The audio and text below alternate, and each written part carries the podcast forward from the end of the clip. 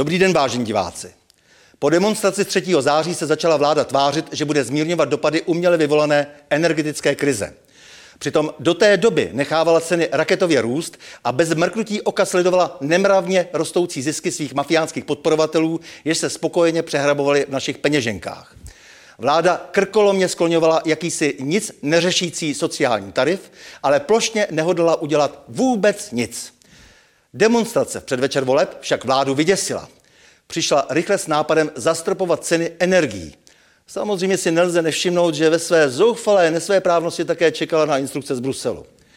Celé její snažení má však háček, spíše hák. Ona si na ono zastropování půjčí. Slyšeli jste dobře, ani slovo o tom, že například většinově státní firma ČES odejde okamžitě z burzy a prodá svým právoplatným vlastníkům, tedy nám občanům, za nejnižší možnou cenu, alespoň elektřinu, aby snížila naše životní náklady a z části nám tak kompenzovala i předražený plyn.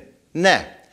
Vláda nás naopak hodlá opět astronomicky zadlužit, kde si u Evropské centrální banky, aby si minoritní akcionáři Česu a zástupy energetických šmejdů dále podrželi své mnohasetprocentní zisky.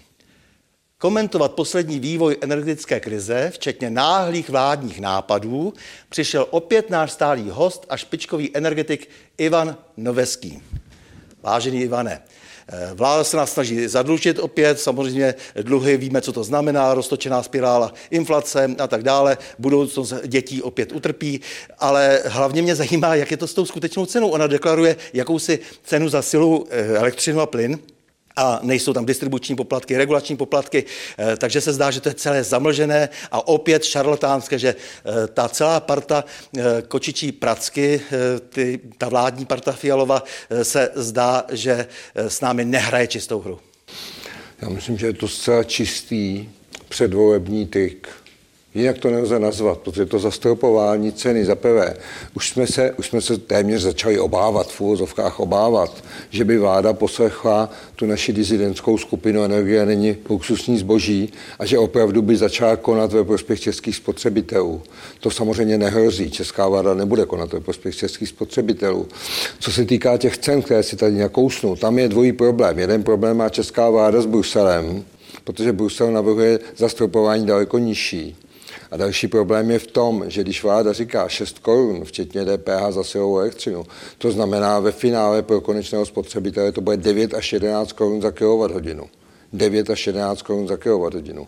Ještě větší eh, řekl bych ten trik, jo, a ono to opticky vypadá strašně dobře, je, když někdo řekne, budeš, budete mít plyn za 3 koruny.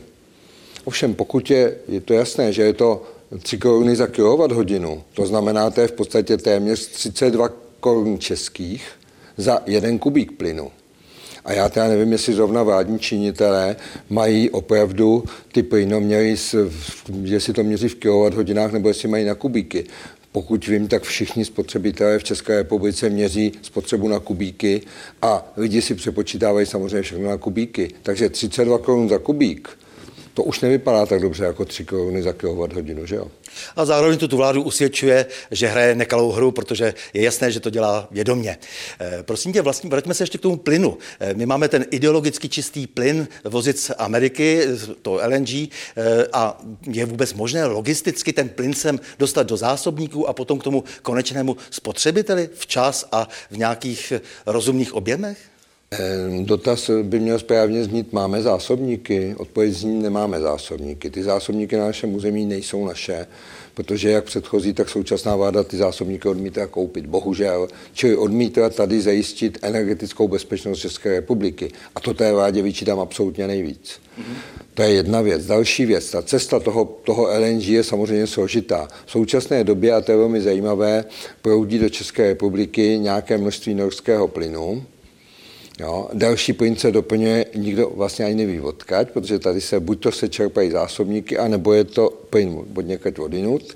To znamená, ta, to zásobování České republiky je teďka velmi zajímavé, velmi zvláštní, ale neskýtá to nějaké velké radostné očekávání na zimu. Protože v zimě, až ten plyn nebude, tak přesto Německo je otázka, kolik toho plynu vůbec bude schopno přejít.